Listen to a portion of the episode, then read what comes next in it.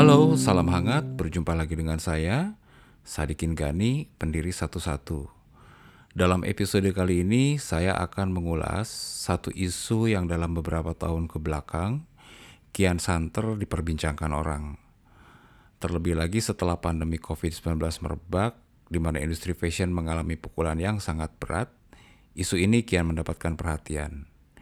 Isu yang saya maksud adalah sustainable fashion atau fashion berkelanjutan.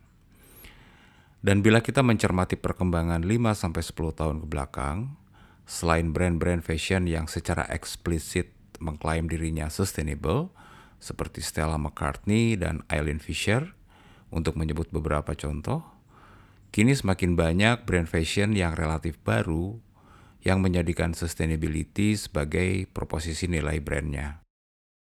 Pertanyaannya kemudian adalah apa sebenarnya sustainable fashion itu, mengapa penting, dan bagaimana praktiknya. Untuk menjawab pertanyaan-pertanyaan itu, saya akan memulai dengan istilah sustainable. Sebagai sebuah istilah, hingga kini belum ada batasan standar yang disepakati bersama tentang pengertian sustainable fashion.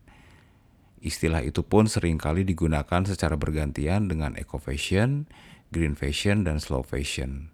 Namun, secara umum, istilah sustainable fashion biasanya dipakai untuk menunjuk produksi fashion, sistem fashion, dan desain fashion yang memperhatikan aspek-aspek lingkungan, baik alam, sosial budaya, maupun ekonomi. Lalu, mengapa sustainable fashion menjadi isu penting? Untuk itu saya akan mengajak kalian untuk menelusuri sejarah singkat sustainable Sustainable pertama kali muncul sebagai cita-cita sosial, lingkungan, dan ekonomi yang eksplisit kurang lebih sekitar tahun 1970-an dan 1980-an. Semangat yang mendasarinya adalah upaya untuk menciptakan masyarakat yang aman, stabil, sejahtera, dan berwawasan ekologis. Sustainable terutama digunakan sebagai langkah korektif yang terkait langsung dengan perubahan iklim dalam hal ini adalah tanggapan terhadap dampak yang ditimbulkan industrialisasi yang sudah berlangsung selama kurang lebih 250 tahun.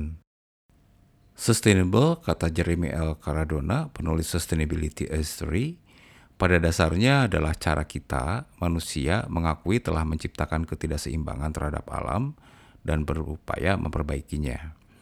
Karena itu, sebagai sebuah istilah, hampir semua definisi keberlanjutan menekankan sudut pandang ekologis, di mana manusia harus hidup harmonis dengan alam agar bisa bertahan, beradaptasi, dan berkembang. Salah satu model keberlanjutan yang dalam beberapa tahun ke belakang sering muncul adalah diagram Venn yang menggambarkan keterkaitan dari tiga I, yaitu environment, economy, dan equity atau social equality. Terkadang ditambahkan pula I yang keempat, yakni education, untuk mencerminkan pentingnya pendidikan dalam membangun masyarakat yang berkelanjutan. Singkatnya, sustainable merupakan arsiran dari lingkungan, ekonomi, keadilan, dan kesetaraan.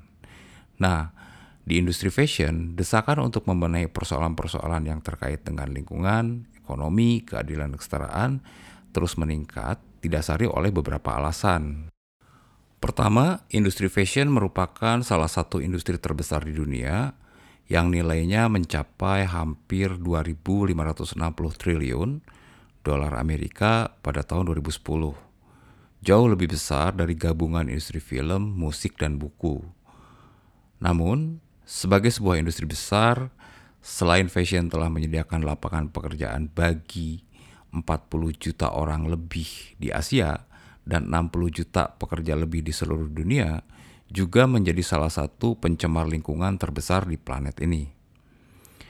Ada dua kategori penting dampak lingkungan yang ditimbulkan industri fashion, yakni produksi dan pemrosesan tekstil yang terkait dengan pembuangan polutan, konsumsi air, dan energi.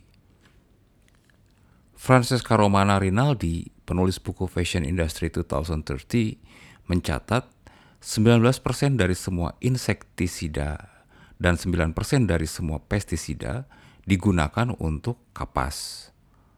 untuk memproduksi 1 kg kapas membutuhkan air hingga 20.000 liter air dan sekitar 25% bahan kimia yang diproduksi secara global digunakan untuk industri tekstil. Nah, beban industri fashion terhadap lingkungan merupakan konsekuensi dari peningkatan siklus produksi pakaian yang kian cepat, mulai dari penanaman serat mentah hingga pengiriman pakaian jadi. Paul Odame, penulis Millennial Fashion Revolution, misalnya, mencatat bahwa musim fashion yang awalnya hanya dibagi dalam dua musim, yakni spring summer dan fall winter, kini sudah berkembang menjadi 52 musim. Karena itu, tidak mengherankan bila hampir 3 per 5 dari semua pakaian yang dibuat berakhir di tempat pembuangan sampah hanya dalam waktu satu tahun setelah diproduksi, sebagaimana yang dilaporkan McKinsey pada 2016. Lalu berapa banyak sebenarnya pakaian yang diproduksi di dunia ini? Di sinilah kita akan menemukan angka-angka yang mencengangkan. Kita ambil contoh misalnya Zara. Zara memproduksi sekitar 450 juta potong pakaian per tahun. Brand asal Spanyol ini sanggup menawarkan sekitar 10.000 desain baru setiap tahun dari 40.000 rancangan yang dibuat para desainernya. Menampilkan model pakaian baru di setiap tokonya dua kali dalam seminggu, serta mampu mendesain, memproduksi, hingga mengirimkan pakaian baru ke seluruh penjuru dunia hanya dalam rentang waktu 15 hari. Kecenderungan-kecenderungan itulah yang membuat industri fashion berada di bawah pengawasan yang semakin intens, dan sustainable fashion menjadi topik yang semakin diminati banyak orang, baik mereka yang berada di dalam maupun di luar industri fashion. Kedua, selama hampir 150 tahun, industri fashion telah memberikan kontribusi besar terhadap perekonomian dunia dan menciptakan lapangan pekerjaan untuk jutaan orang. Namun, perkembangan tersebut harus dibayar dengan harga mahal, yakni eksploitasi terhadap pekerja. Industri fashion global, seperti kita tahu, dirancang untuk memperoleh keuntungan dan pertumbuhan di atas segalanya yang kerap mengorbankan para pekerja yang menopangnya upah di upah di bawah standar hidup layak, perlakuan tidak adil, tidak ada jaminan kesejahteraan dan keselamatan adalah belenggu persoalan yang dihadapi kaum buruh sejak revolusi industri pertama di Inggris. Jika kalian sempat membaca The New Rules of the World yang ditulis John Pilger atau menonton film dokumenternya, kita dapat menyaksikan dengan jelas bagaimana kondisi kehidupan kaum buruh di Jakarta yang mengerjakan produk brand-brand global. Mereka diupah murah, tinggal di pemukiman kumuh dengan sanitasi buruk yang rentan penyakit.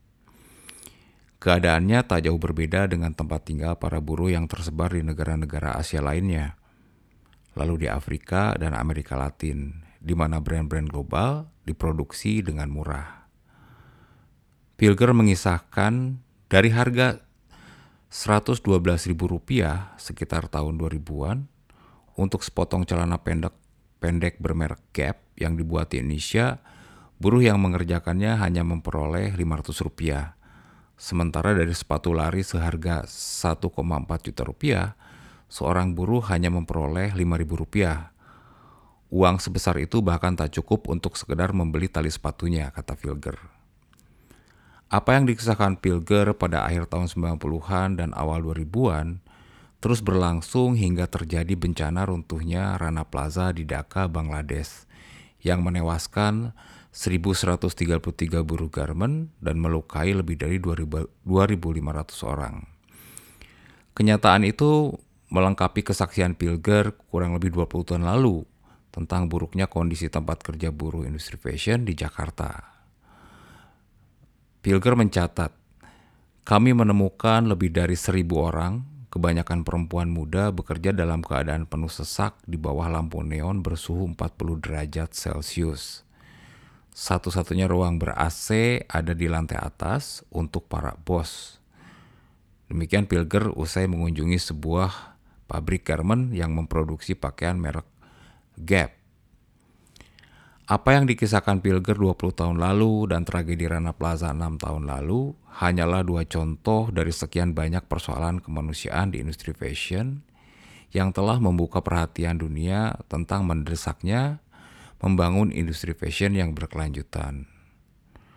Pertanyaannya kini adalah seperti apa praktik sustainable fashion atau fashion berkelanjutan itu? Jawaban atas pertanyaan itu akan saya kemukakan dalam episode podcast selanjutnya.